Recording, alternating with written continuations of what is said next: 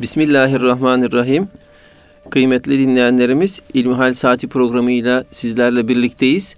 Yüce Rabbimizin selamı, rahmeti ve bereketi üzerimize olsun. Sizlerden bize ulaşan soruları malum olduğu üzere değerli hocamız Doktor Ahmet Hamdi Yıldırım cevaplandırıyor.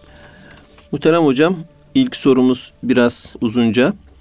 Selamünaleyküm demiş dinleyicimiz. Ee, Avrupa'dan e, bize yazıyor. E, bizi takip ettiğini söylemiş. Genel olarak sorum İslam'da taksitli alışveriş konusu üzerine olacak diyor. Yurt dışında ailecek yaşıyorum. Enflasyon düşük, yıllık yüzde bir iki. Bankaların ev ve kira için verdiği faiz oranı düşük. Faiz haramdır. Sıfır araba alma niyetim var. Liste fiyatı yaklaşık 30 bin avro. Satıcı firma diyor ki peşin fiyatına 6 yıl taksit yaparım. Faiz sıfır. Ödemeler bankaya olacak. Gerçekten kağıt üzerinde faiz sıfır olarak yazılı. Sadece bir sefere mahsus dosya parası veya banka parası adı altında 1000-1500 avro gibi bir ödeme var.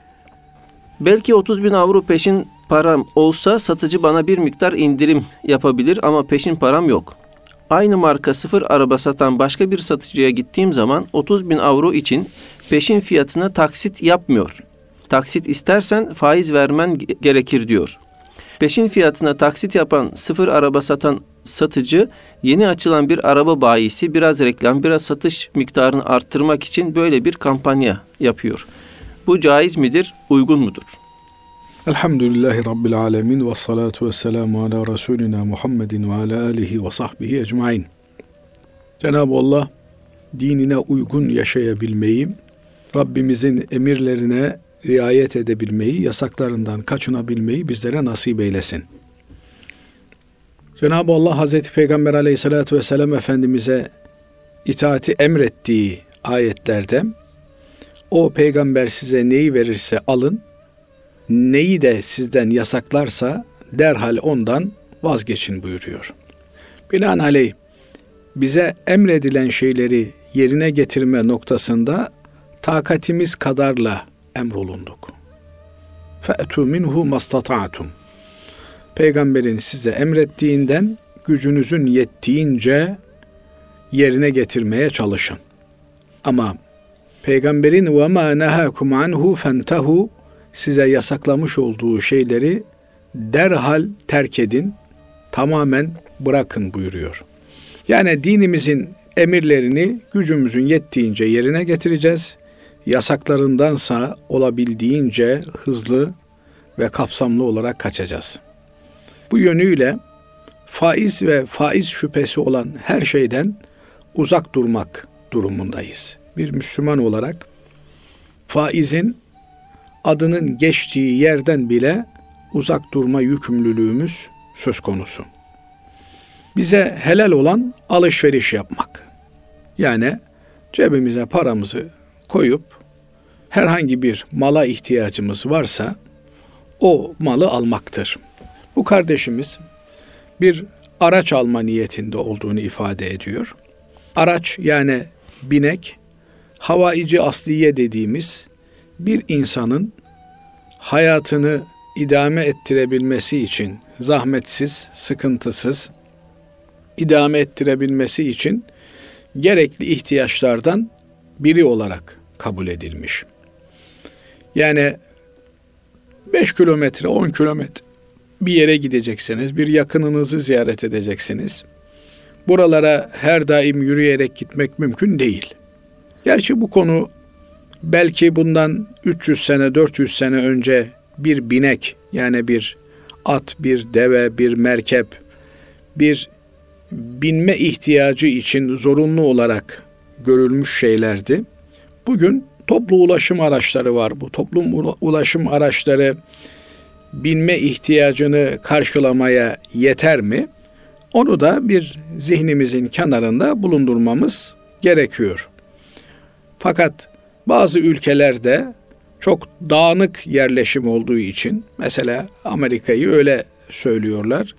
Tek katlı evlerin yaygın olarak şehrin dışında bulunduğu ve arabasız evden işe, işten eve gitmenin mümkün olmadığını neredeyse söylüyorlar.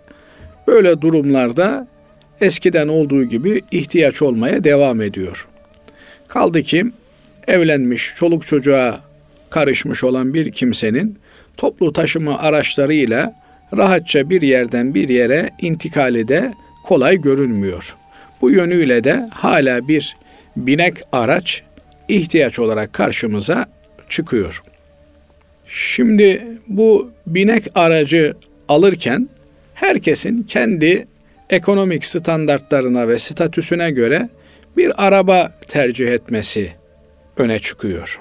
Söz gelimi zor zanaat geçinen bir kimse gidip de çok lüks, pahalı bir arabayı alıp kullanması doğru bir davranış olmaz. Yine hali vakti yerinde olan, işi gücü yerinde olan bir kimsenin çok düşük bir arabayı kullanması uygun görülmez.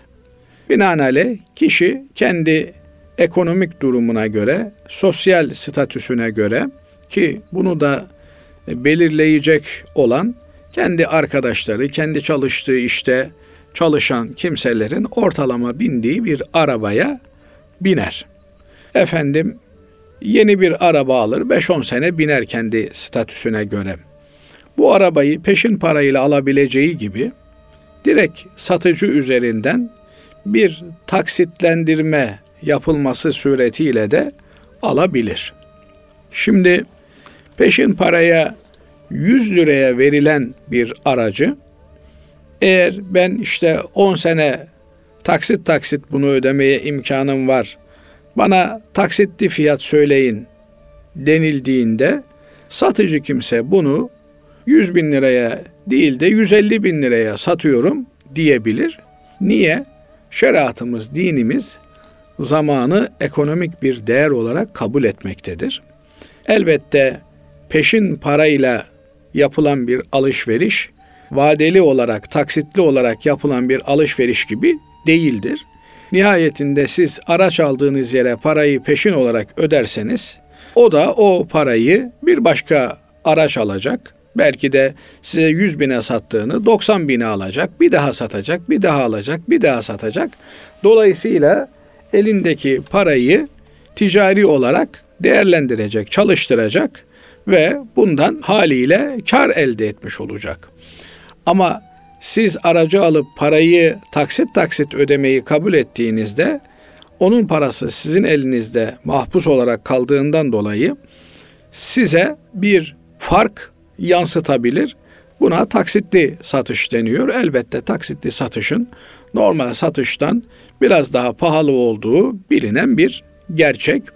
Bu noktada bir sıkıntı görünmüyor. Her ne kadar ilk dönemde bazı alimlerimiz taksitli satıştaki bu fiyat farklarını netameli bir konu olarak değerlendirmişlerse de ağırlıklı kanaat bugün hemen hemen kimse bu noktada bir problem vardır demiyor. Taksitli satışlar normal bir satıştır. Elbette peşin satışa göre taksitli satışta bir miktar fiyat farkı görülür. Şimdi burada kardeşimizin anlatmış olduğu, çizmiş olduğu resimden şöyle bir tablo ortaya çıkıyor. A şirketiyle kardeşimiz araç alım işlemini yapmış. Efendim 30 bin euro üzerinden anlaşmışlar. Aracın peşin fiyatı da 30 bin euro. 6 yıl vadeli fiyatı da 30 bin euro. Şu kadar var ki banka borç taksitlerinin ödenmesi işini banka üzerine havale etmiş. Yani sen bana değil de bankaya bu borçları ödeyeceksin demiş. Bankada bu havale hizmeti görmesi mukabilinde bir dosya masrafı talep etmiş. Banka dosya masrafı talep edebilir. Yani ben senin adına yeni bir dosya açıyorum. Efendim senin ödemelerini alacağım. Buradan diğer asıl alacaklı olan kimsenin hesabına aktaracağım. Bunun takibini yapacağım. Türünden bir işlemde maktu bir ücret isteyebilir. Efendim 10 bin euronun dosya masrafı da aynı, 100 bin euronun da dosya masrafı aynı ise nihayetinde bir dosya rakam bir sıfır ilave edecek. Yani yüzdelik olarak dosya masrafı almıyor. Maktu bir ücret dosya masrafı olarak alıyorsa burada bir problem görünmez. Şöyle tasvir edebiliriz. Ben bir yerden araç aldım Basri hocam. Araç aldığım kişi dedi ki sen taksitleri Basri Bey'e ödeyeceksin. Basri Bey onları daha sonra bana öder veya benim Basri Bey'e borcum var. Sen de bana olan borcunu Basri Bey'e öde. Bu işleme havale işlemi diyoruz. Yani borçlu olan kimsenin alacaklısı tarafından ödeme işlemlerinde bir başkasına yönlendirilmesi veya borçlu kimsenin alacaklısına benden olan alacağını bir başkasından al diye bir başkasına yönlendirmesi işlemine havale işlemi diyoruz. Teknik ifadesiyle bugün para transferine havale deniyor. Ala külli hal işlemi şirketten yapıp taksitli sözleşmeyi şirket üzerinden yapıp ödemeleri bankaya ya bugün bir yer kiraya verdiğinizde de sözleşmesini siz yapıyorsunuz. Ödemeleri sizin adınıza açılan bankadaki hesaba yapıyor kiracı. Buna benzer bir durum, bunda bir sakınca yoktur diye düşünüyorum. Diğer taraftan elbette serbest piyasa ekonomisi geçerlidir. İslam iktisadının hakim olduğu yerlerde yani piyasaya hariçten bir müdahale yapılmaz. İnsanlar piyasada mevcut olan şartlara uygun olarak, fiyatlara uygun olarak alışverişte bulunurlar. 30 bin euro diye açılış yapan bir kimseye biraz ısrarcı olursunuz, pazarlık yaparsınız, peşin vereceğim dersiniz, elimde nakit geldim, kredi kartı da yok dersiniz vesaire filan. Elbette 26'ya 27'ye duruma göre düşürebilirsiniz. Ama 30 bin dedi ve peşin fiyatına size vadeli taksit yaptı. Şimdi orada soruyor ya kardeşimiz belki peşin ödeyeceğim desem bana bir miktar daha indirim yapardı diyor. Bu her yerde söz konusudur. Önemli olan şey bizim net bir fiyat üzerinden anlaşıp o fiyatın sabit kalmasıdır. Yani arabayı aldığımızda ne ödeyeceğimizi biliyoruz ödeyeceğimiz miktar 30 bin euro. Şöyle olmuş olsaydı sen bugün bunu al götür. Eğer e, bir ay içerisinde ödeyebilirsen 30 bin euro ödersin. Eğer bir ay içerisinde ödeyemezsen geciken her ay için ben 30 euro senden ilave alırım. Türünden olmuş olsaydı bunda faiz problemi konuşulabilirdi. Ama fiyat net ödeyeceği tutarlar belli, ödeyeceği zaman dilimi belli. Bunda bir sıkıntı yok. Şu kadar var ki eğer sıkıntı diyeceksek banka üzerinden ödemelerin yapılıyor olması ama bugün maalesef birçok şeyi banka üzerinden ödüyoruz veya banka üzerinden alıyoruz. Birçok memur maaşını banka üzerinden almak durumunda kalıyor. Eğer bankanın buradan bir para satışı yönünde bizim ödediğimiz paradan bizden alacağı bir fazla yoksa bizim açımızdan problem yok demektir inşallah. Evet. Dinleyicimizin e, ikinci bir sorusu da vardı. Ona e, siz cevap vermiş oldunuz.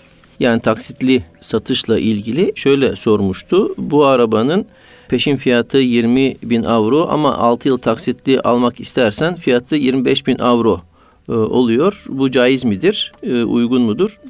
Taksitli satışın e, caiz olduğunu söylediniz. Evet, bütün hocalarımız, alimlerimiz taksitli satışın caiz olduğunu söylerler. Eğer bir mahzur varsa burada fiyatın belirli olmaması e, aya göre, yıla göre, ödemenin tehirine göre artıştan bahsediliyor olması bir problem olarak karşımıza çıkar. Fakat fiyat belli ise, netse, hatta şu bile söz konusu olabilir. Ben 30 ay vadeli efendim 20 bin liraya peşin alabileceğim aracı 30 ay vadeli 30 bin liraya aldım. Demek ki bu aradaki 10 e, bin lira 30 ay için konulmuş olan bir fazlalık. Ama sonra Cenab-ı Allah muvaffak etti beni. 20 ay sonra paranın tamamını ödeme durumuna geldim. Satın aldığım galeriye yere gidip şunu söyleyebilirim. Ben sizden bu aracı 30 ay vadeyle almıştım. Şimdi 20. ayında tamamını ödeme imkanım var. Dolayısıyla siz 3 bin lira iskonto yapın bana, 4 bin lira iskonto yapın diyebilirim. Niye? Borcun düşürülmesini talep etmek farklı bir şey. Borcun zamanında ödenmemesi karşılığında artırılmasını ileri sürmek, şart koşmak farklı bir şey. Binaenaleyh alimlerimiz borcun düşürülmesini talep etmenin mümkün olabileceğini söylerler. Eğer karşı tarafta razıysa, razı olmaya da bilir. Kardeşim ben seninle 30 ay vadeli 30 bin lira olarak anlaştım. Sana 20. ayda öde diyen yok.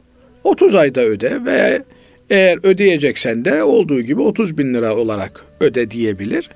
Fakat doğru olan satıcının da müsamahakar davranması, kolaylık göstermesidir. Ve eğer vaktinden önce bir ödeme varsa tenzilat yapma, indirim yapma cihetine gitmesi doğru olandır.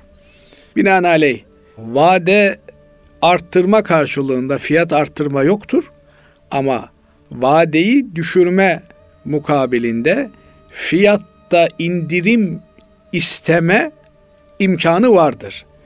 Ama istedin diye kardeş karşı taraf bunu kabul edecek demek de değildir. Eğer karşı tarafta kabul ederse ne ala indirimli olarak borcunu kapatmış olursun. Değerli hocam alışverişlerde yani bir kişinin imkanı olduğu halde peşin ödeme imkanı olduğu halde taksitli ödeme seçeneğini e, tercih etmesinde bir mahsur olur mu? Şimdi imkanı olduğu halde ifadesi geniş bir ifade. Yani sizin söz gelimi araba alacaksınız 30 bin liranız var. 30 bin lira verip peşin olarak bu arabayı alabilirsiniz. Ama başka işlerde de parayı kullanmayı düşünüyorsunuz. Yani paraya ihtiyacınız var. Binaenaleyh paraya ihtiyacınız varsa o zaman taksitli olarak aracı alırsınız. Fakat şöyle bir hesap olursa bu tabii çok yanlış bir şey olmuş olur. Piyasadaki taksitler söz gelimi işte faizli bankayla diyelim Müslüman işe işi olmaz ama katılım bankalarının verdiği ortalama kar paylarının altında. Yani ben 100 bin lirayı katılım bankasına koysam ortalama bir sene sonra yüzde bir kardan 101 bin lira yapmış oluyor benim param. Ama vadeli olarak satın aldığımda aradaki vade farkı 1000 lira olarak yüzde bir olarak çıkmıyor da 0.8 olarak çıkıyor. E ben bu durumda vadeli alayım paramı da katılım bankasında değerlendireyim tırnak içerisinde. Türünden bir düşünce varsa bu yanlış bir düşünce olur. Bu doğru bir düşünce olmaz. Çünkü Müslüman mümkün mertebe borçsuz yatmayı tercih eder. İster bir alışveriş borcu olsun, isterse karda hasen dediğimiz bir borç olmuş olsun. Elbette ticaret yapan kimseler borç da verirler, borç da alırlar. Borçların, alacakların birikmiştir. Sen de e, borç yapmak durumunda kalabilirsin. Veresiye alışveriş yapabilirsin. Taksitle alışveriş yapabilirsin. Ama normal bir tüketicinin elinde parası varken kenarda, bankada, şurada, burada onu kullanmayıp da taksitli alışveriş yapmasını ben şahsen doğru görmem. Niye? Çünkü taksitli alışverişler de enflasyona etki eden unsurlardır. Yani bir şeyin değeri 10 lirayken sen 2 ay sonra ödeyeceğim dediğin zaman 12 liraya çıkıyor, 13 liraya çıkıyorsa e bu da e, enflasyonu bir şekilde tetikleyen sebeplerden biri haline geliyor. Bu yönüyle mümkün mertebe peşin çalışmalı. Kimseye borçlanmadan bu dünyadan el etek çekebilirsek ne mutlu bize. Bir de değerli hocam konuşmanızın başında e, havayici asliyeden bahsettiniz. Arabanın, bineğin bir havayici asliye olduğundan bahsettiniz. Şimdi günümüzde tabi ailelerde birden ziyade bir binek aracı söz konusu. Yani mesela ev reisinin erkeğin kullandığı araç oluyor. Bir de eşinin kullandığı araç da oluyor. Bu ikisi de yani ikincisi de havayici asliyeye giriyor mu? Bir ailede bir araba havayici asliyedendir. Eğer aile bir bütün olarak intikal ediyor, işlerini, ihtiyaçlarını görüyorlarsa. Ama düşünün ki mesela ailenin reisi olan erkek sabah arabasına biniyor, işe gidiyor. Bir daha akşam yassı işinden dönüyor. Bu arada evin bin bir türlü ihtiyacını evin hanımı görüyorsa ki genelde öyle oluyor. Yani evde oturan hanım çalışmayan, başkasının, yabancının yerinde hizmet görmeyen hanım, ev hanımı, çalışmayan hanım anlamında görülüyor ama öyle değil. Yani evet. en çok işi belki ev hanımları yapıyor. Bir ev hanımının yaptığı işi eğer taksim edecek olsanız 3-4 kişi yapması gerekiyor. Çocuğa bakıyor, onun için bir dadı tutmanız lazım. Evin temizlik işlerini yapıyor, onun için bir temizlikçi tutmanız lazım. Efendim, evin yemeğini yapıyor, onun için bir aşçı tutmanız lazım. Evin ihtiyaçlarını karşılıyor, öteberisini, şununu bununu alıyor, onun için bir kahya tutmanız lazım. Yani bir kadıncağız baktığınızda 3-4 kişinin belki de 5 kişinin yapması gereken işi tek başına yapıyor. Ve üstüne üstelik de ev hanımı diye nitelendirilerek taltif edilmesi gerekirken, başüstü yapılması gerekirken hor görüldüğü de oluyor. Neymiş efendim? Tüketim toplumunda bir tüketim vasıtası olarak çalışmıyormuş. Eğer işte çalışan, SSK'lı olarak çalışan, memur olarak çalışan kadın olsa o tüketime çok ciddi katkı sağlıyor. Efendim işte e, süsüyle, püsüyle, şu suyla, bu suyla, giyimiyle, kuşamıyla o dünyanın masrafını yapıyor. Dolayısıyla kapitalist dünya evinde değil dışarıda çalışan anne istiyor, kadın istiyor, anne de istemiyor. Niye? Çünkü dışarıda çalıştığı zaman bu e, kadın çocuğunu mecbur kreşe gönderecek. Çocuğu yaban ellerde merhametsiz, sevgisiz yetişecek ve bir sürü masrafı söz konusu olacak. E, 3 bin lira bir maaş alıyorsa bunun hiç mübalağasız 2 bin lirası, 2500 lirası dışarıda yine çalışmadan dolayı harcanmış olacak. Geri kalan 3-5 kuruşu da zaten e, eve geç geldim, yorgun geldim, dışarıda yiyelim, dışarıdan söyleyelim diye dışarıdan sağlıksız, ne üdüğü belirsiz yemeklere harcanmış olacak. Dolayısıyla ev hanımı olabilmesi bir kadının en büyük saltanattır. Evinin sultanı olmak, evinin hanımı olmak. Cenab-ı Allah bütün Müslüman kadınlarımıza evinin hanımı olma şerefiyle, gururla, hareket edebilmeyi, yaşayabilmeyi nasip ve müyesser eylesin. Amin. Böyle bir durumda tabii ev hanımının da e, işte sohbete gidiyor, sohbet yapıyor.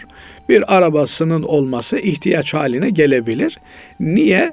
E, çünkü erkek için belki biraz daha kolay toplu taşıma araçlarını kullanmak ama özellikle de bir bayan için sabahın o tıklım e, süklüm araçlarını kullanmak efendim çok daha zahmetli ve zor olabiliyor. Burada e, insan kendi durumuna bakacak. Eğer geliri de buna müsaitse ona göre davranacak ama yok eğer müsait değilse o zaman belki koca kendi şeyinden rahatından feragat edip aracı hanımına bırakacak. Tabi şimdi araç araç diyoruz ama şöyle bir durum da söz konusu ki insanın yürümeye de ihtiyacı var. Yani belki eğer araç havaici asiyeden dediğimiz yani insanın ihtiyacı olan araçlardansa yürümek zaruri olan eylemlerden. Dolayısıyla çok daha fazla araç meselesini büyütmemek lazım. Evde bir tane araç olur. Toplu olarak gidilecek yerlere beraber gidilir, gelinir. Ama onun haricinde mümkün mertebe e, yürümeyi tercih etmek lazım. Yürüyerek işlerimizi görmeyi tercih etmek lazım ki belki daha sağlıklı bir e, vücut yapısına kavuşabiliriz. Teşekkür ederiz değerli hocam. Allah razı olsun. Kıymetli dinleyenlerimiz programımızın ilk kısmını burada sonlandırıyoruz. Kısa bir aradan sonra inşallah tekrar devam edeceğiz. Buluşma noktamız Erkam Radyo.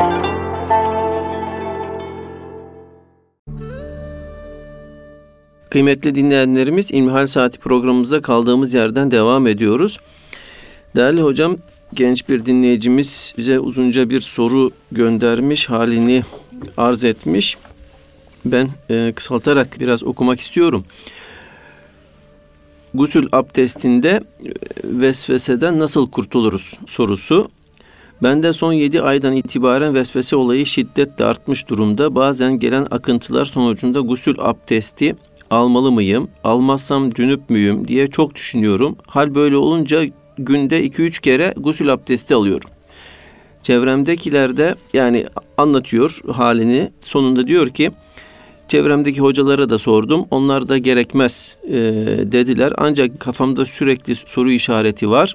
Namazlarımı pis mi kılıyorum diye şüpheye düşüyorum ve rahat edemiyorum. Gidip gusül abdesti alıyorum. Bundan nasıl kurtulurum diye sormuş. Evet Cenab-ı Allah bu kardeşimizi de bütün kardeşlerimizi de vesvese hastalığından kurtarsın. Amin. Vesvese tabi insanın aklına yersiz bir şekilde kötü duyguların gelmesi anlamına geliyor. Bunun yersiz bir şekilde olmasına vesvese diyoruz. Yoksa eğer bir karşılığı varsa elbette ihtiyatlı olmak gerekir. Şimdi e, vesveseyle mücadele edeceğiz diye de aşırıya gidip olması gerekenleri de bıraktırmak doğru bir şey değil.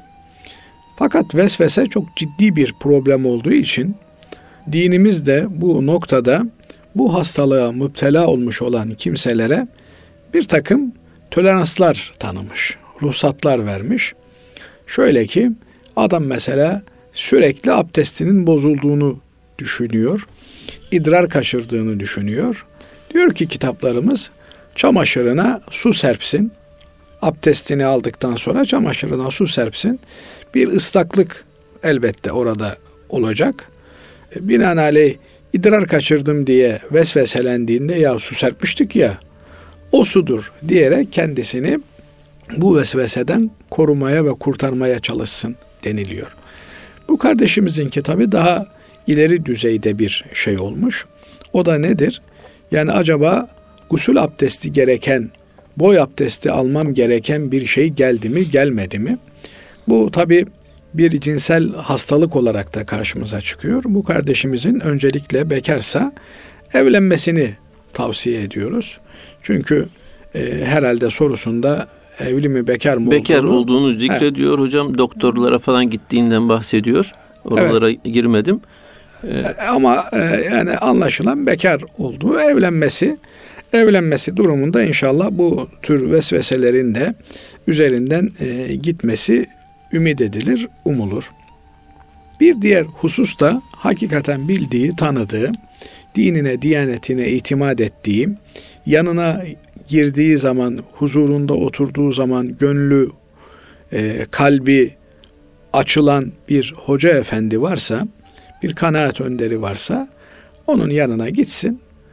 Beni okuyun hocam böyle bir sıkıntım var, vesvesem var diye ondan okunsun. Niye? Çünkü bizim en büyük silahımız duadır. Bazen insan kendi kendine yaptığı duaların tesirini hissedemez. Oysa insanın en önemli duası kendi kendine yaptığı duadır. Fakat böyle bir psikolojik e, eşik olabiliyor.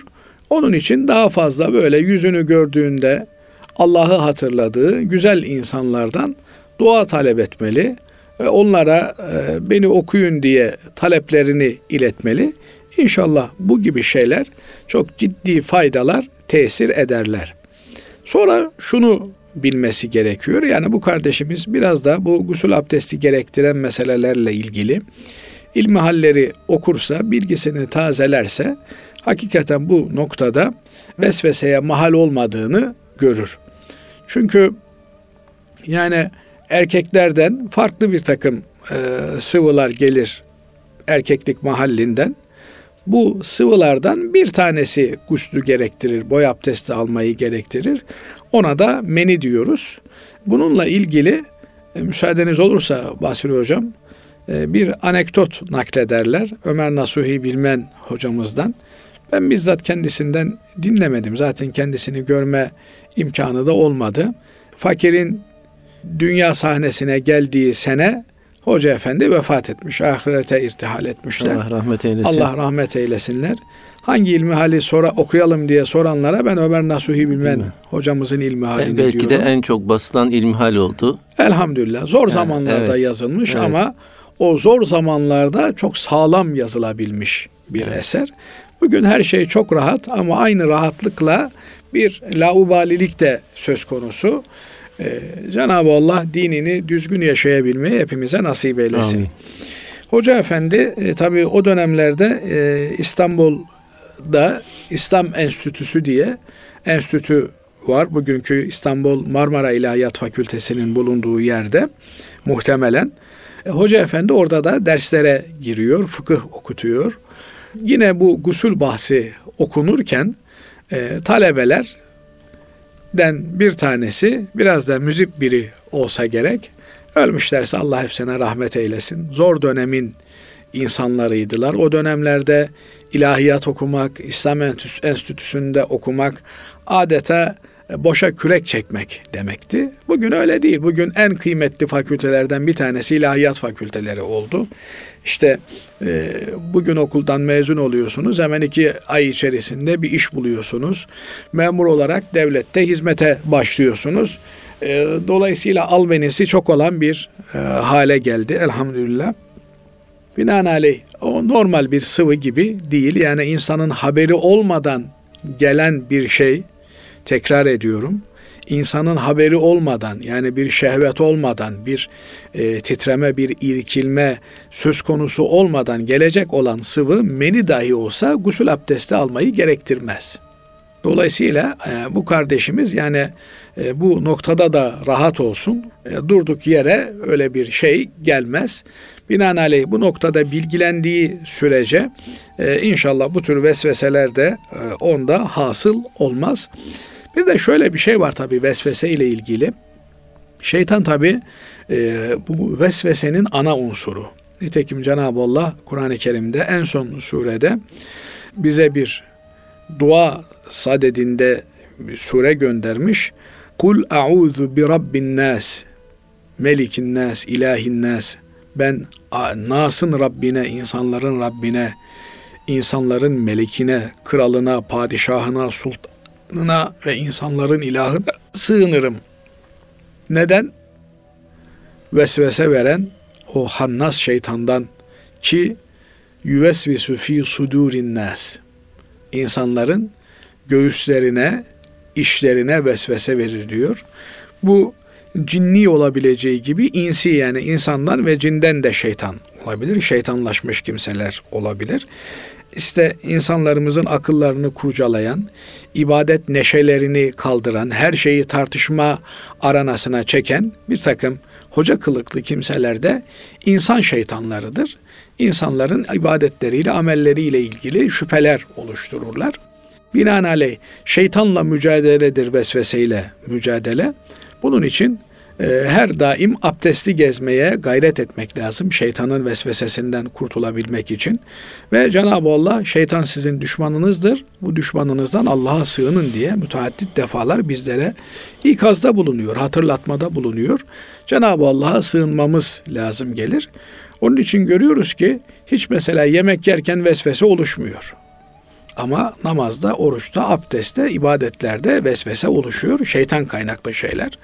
Cenab-ı Allah her türlü vesveseden bizleri muhafaza eylesin.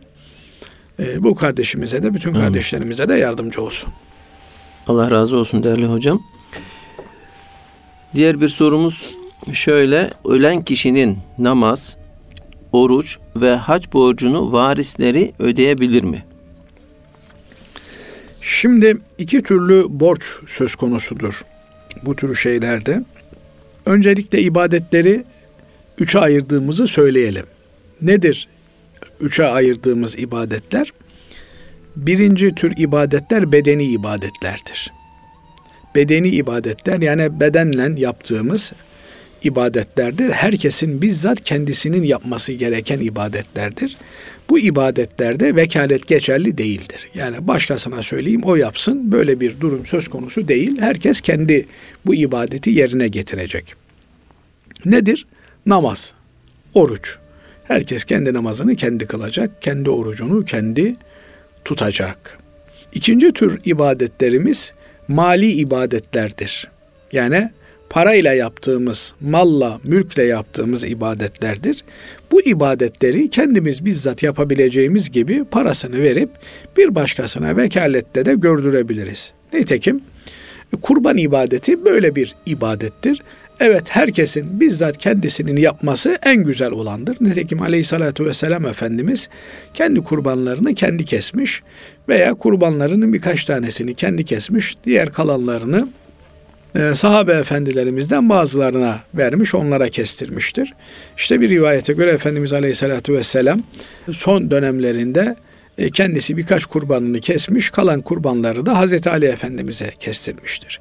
Biz de bugün e, genelde kasaplık bir meslek haline geldiği için normal sıradan bir Müslüman eline bıçak alıp da hayvan kesmeyi beceremediği için eskiden köylerde efendim kırsalda e, çoban güden, hayvan güden insanlar e, kesme işini de yapabilirlerdi. Ama şimdi şehirlerde efendim çalışan insanlar bu tür şeylerden pek anlamıyorlar.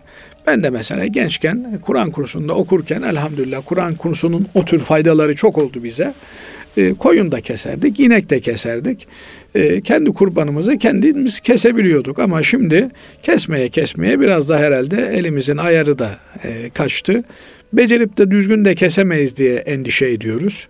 Yani çünkü kurban kesmede asıl olan, esas olan hayvana en az acı verecek şekilde kurbanı kesmek. Onun için bir defada bıçağı vurarak kesebilmek e, önemli. Eğer e, onu beceremeyecekse bazen görüyoruz böyle testere gibi hayvanın boğazında bıçağı ileri geri sürtüyor. Allah muhafaza etsin. Bu da bir eziyet haline geliyor. Hasılı kelam kurban böyle bir ibadet. Zekat böyle bir ibadet. Evet bizzat fakiri arayıp bulmak, onu zekatı fakirin eline vermek en güzel olanı. Ama öyle bir imkanımız yok. Fakiri tanımıyoruz. Tanısak da e, gitme imkanımız yok. Ne yapıyoruz? Getiriyoruz. Güvendiğimiz, itimat ettiğimiz bir kimseye teslim ediyoruz. İşte talebe okutan bir hoca efendiye veriyoruz. Talebelerine bunu ver diye. Veya bir cami imamına götürüp veriyoruz. Mahallenin fakiri fukarası hocam gelir senden istersen bunları ver diye. Veya bugünlerde çok yaygın olan şekliyle bilinen, tanınan, toplumun itibar ettiği bir vakfa götürüyoruz. Kardeşim bu benim zekatım. Bunu sizin listenizde kayıtlı olan fakire, fukaraya dağıtın diyoruz. Üçüncü bir tür ibadetimiz de hem mali hem bedeni olan ibadetlerdir. Bu gibi ibadetlerde bir zorunluluk varsa vekalet geçerlidir. Ama bir zorunluluk yoksa onları da bizzat kendimizin yapması gerekir. Mesela haç böyle bir ibadettir. Eğer adama haç farz olmuş ama farz olduktan sonra işte gözleri görmemiş veya ayakları tutmuyor. Hacca gidebilmek için fiziki gücü yok. Bu kimse parasını verir, birini kendi adına hacca gönderir, bedel hac yaptırır veya cihat. Cihat hem mali hem bedeni bir ibadettir. Malı olan ve bedenen gücü yeten herkesin cihad etmesi zorunluluğu vardır. İşte dün kılıçla cihattı, bugün farklı alanlarda cihatlar söz konusudur. Kılıçla cihatta söz konusu olduğu yerler vardır. İşte bugün mesela Suriye'de vatanını, toprağını müdafaa etmek için e, Müslümanların verdiği cihat böyle bir e, cihattır. Eğer fiziki gücü yetmiyorsa, imkanı yoksa bir kimsenin o zaman parasını e, verir, parasıyla bir cihat yapmış olur. E, veya fiziki gücü yetiyor, parası yok o zaman da canıyla, bedeniyle bir cihat yapmış olur. Hasılı kelam üç tür ibadetimiz var. Mali ibadet, bedeni ibadet, hem mali hem bedeni ibadet. Bunların birincisi yani bedeni ibadetler vekalet kabul etmeyen ibadetlerdir. Bu borçların bizatihi birileri tarafından kılınmak veya namazın kılınması, orucun tutulması şeklinde bir ödenmesi söz konusu olmaz. Fakat oruçla ilgili Cenab-ı Allah tutulamayan oruçların fidyesinin verilmesini emrettiği için eğer fidye imkanı varsa fidyesi verilir. Diğer taraftan mali olan ibadetlerde bu ibadetler vekalet kabul eden ibadetler olduğu için bir başkasının yerine yapılması mümkündür. Hem mali hem bedeni olan ibadetlerde imkansızlıktan dolayı bir başkasına yaptırılabilecek olan ibadetlerdir dedik. Ölümle artık bunun da imkanı kalmadığı için bu kimseler adına hac yapılabilir. Fakat bir başka noktaya daha burada temas etmek durumundayız. O da nedir? Kişi bu borçlarını bilip vasiyet etmiş mi etmemiş mi? Evet. Çünkü ibadeti ibadet yapan şey ibadeti yapacak olan kişinin niyetidir. Eğer niyet yoksa o zaman bir ibadet olması mümkün değildir. Mesela siz bir çocuğu gördünüz, acıdınız, çıkardınız 50 lira verdiniz bu çocuğa. Ondan sonra ben bunu aa verdim ama farkında değildim ne diye verdiğimin zekatıma hesap edeyim mi? Zekatına hesap edebilmen için onu zekat niyetiyle vermiş olman gerekir. Binaenaleyh zekat bir ibadettir. O ibadetin gerçekleşebilmesi için niyet ile yapılması gerekir. Niyetin de ibadetten, amelden, işe başlamadan önce olması lazım gelir. Bu yönü bazen e, kaçırılıyor. Çok dikkat edilmesi gereken bir yöndür bu.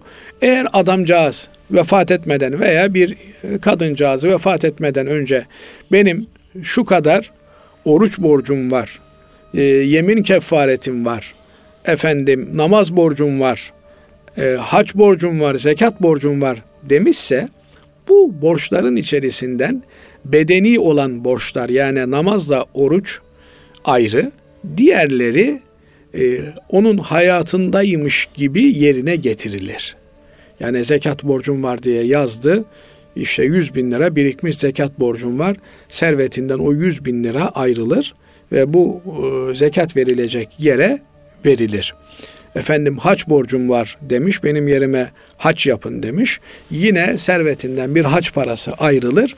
Bu e, haç masrafı olarak kullanılır. Bedeni ibadetlere gelince oruç e, fidye ile karşılanabilecek bir ibadet olarak bizatihi Kur'an'ın buyruğu olduğu için tutamadığı günlerin oruç fidyeleri verilir. Yani 30 gün oruç tutamamış diyelim. Ne kadar fidyesi? Efendim 30 lira, 30 çarpı 30, 900 lira fidye olarak verilir. Fakat namaz için böyle bir şey yok. Yani namazın bizatihi kendisi kılması lazım.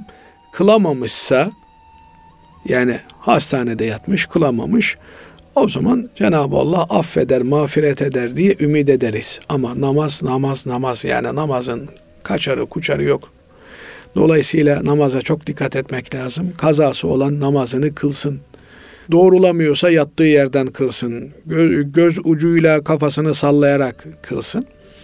Tabi bu e, ölünün geride bıraktığı paranın üçte birinden yani bir vasiyet gibi değerlendirilir. Üçte birinden karşılanır. Üçte birini aşarsa evet. o zaman mirasçılarının onayına ihtiyaç vardır. Yani mirasçıları tamam babamızın zekat borcu bunu ödeyelim. Babamız aşağıda ızdırap çekmesin, azabını çekmesin derlerse ödenir. Babamızın haç borcu, babamız aşağıda e, hacca niye gitmedin diye hesap vermesin. Biz miras almasak da olur derlerse e, birini bulurlar ve babaları adına hac yaptırırlar. Eğer hiçbir mal bırakmamışsa o zaman mirasçıları isterlerse babaları adına para verirler ve onun zekat borcunu, onun haç borcunu kapatırlar.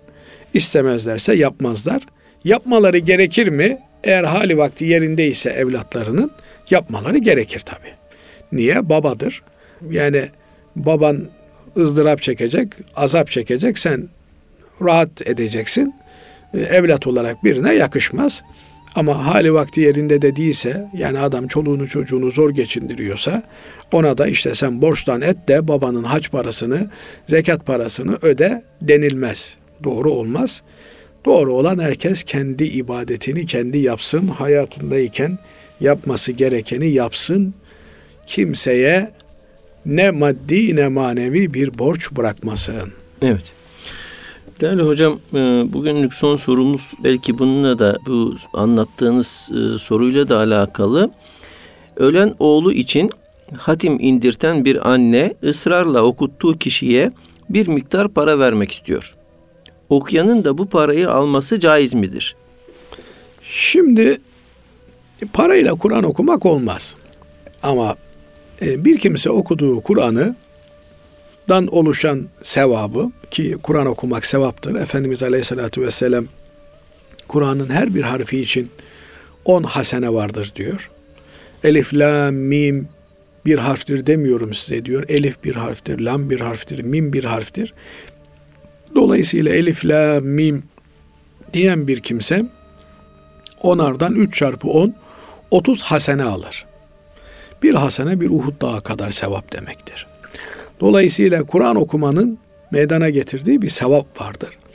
Bu sevabı bir kimse önce Hazreti Peygamber Efendimiz'e, Peygamber Efendilerimize ve sırasıyla e, ölen bütün Müslümanlara bağışladıktan sonra ve özellikle de işte yakın zamanda ahirete irtihal etmiş olan filan kulunun ruhuna hediye edilmek üzere bağışladım diyebilir.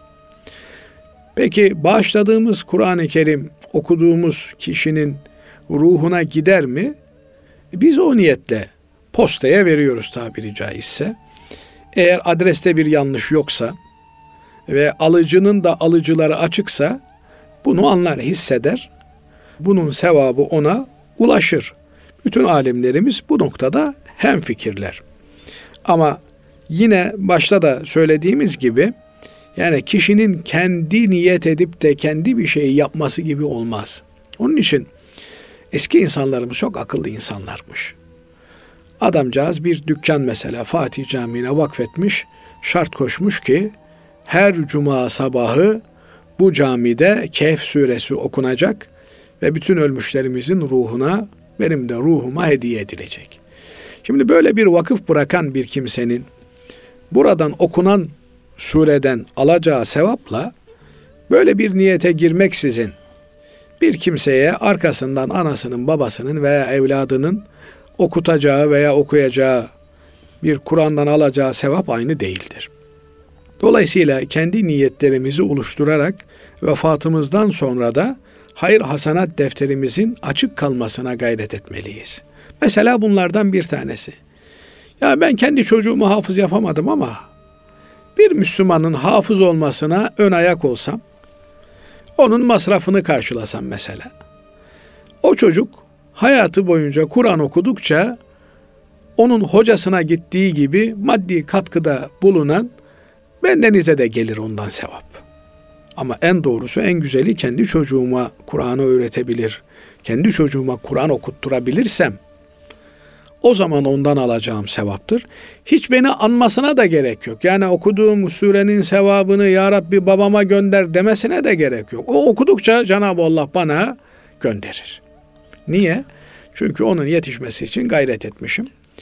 Şimdi Değerli hocam e, araya girmek istiyorum. Bu vakıf deyince şimdi aklıma geldi. Efendim şimdi bu tarzdaki vakıflar hani e, bahsettiğiniz Osmanlı e, zamanındaki vakıflarımız bugün neden kurulamıyor? Veyahut da kurulabiliyor mu? Niye kurulamıyor? Birinci sebep bana göre yani bu vakıf meselesinde bizim milletimiz çok büyük bir darbe yemiş. Yani dişinden, tırnağından, yemeden, içmeden ayırarak biriktirdiği paralarla yapılan vakıfların cami yaptırmış, çok affedersiniz ahır olarak kullanılmış. Medrese yaptırmış, disko yapmışlar. Hala öyle yerler var. Yani Allah razı olsun hükümetimiz Ermeniye, Yahudiye, Rum'a vakıflarını iade etmiş. Ama Müslümanlara gelince aynı hassasiyeti gösteremiyoruz bir türlü maalesef. En büyük vakfımız Ayasofya'mız hala namazsız ağlar durur. Hala Ayasofya'yı vakfeden Sultan Muhammed Fatih'in cennet mekanın laneti üzerimizde dolaşır. Dolayısıyla bu örnekleri gördüğü için ben şimdi vakıf yapsam kim bilir yarın bunu ne yaparlar diye bir korku var insanda. Bu korkuyu yenmemiz lazım. Bizim niyetimiz Allah rızası için ebediyen bu vakfın yaşamasıdır. Biri gelmiş ona hadsizlik yapmışsa, emaneti gasp etmişse veya gaspa sessiz kalmışsa ya ben yapmadım. E yapmadın ama sessiz kalıyorsun. Onlar hesabını Allah'a verecekler.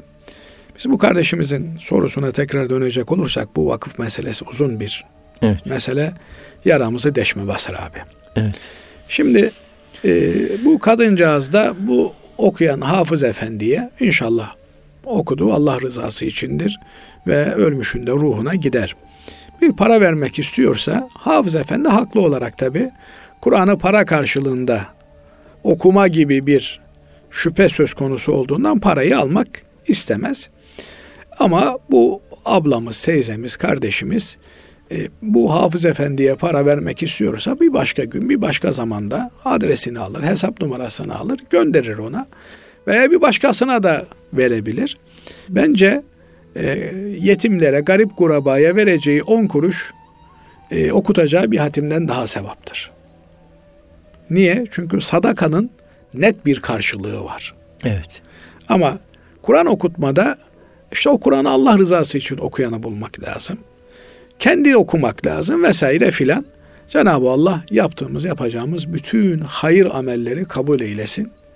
Amin. Bizlere de, geçmişlerimize de merhamet eylesin.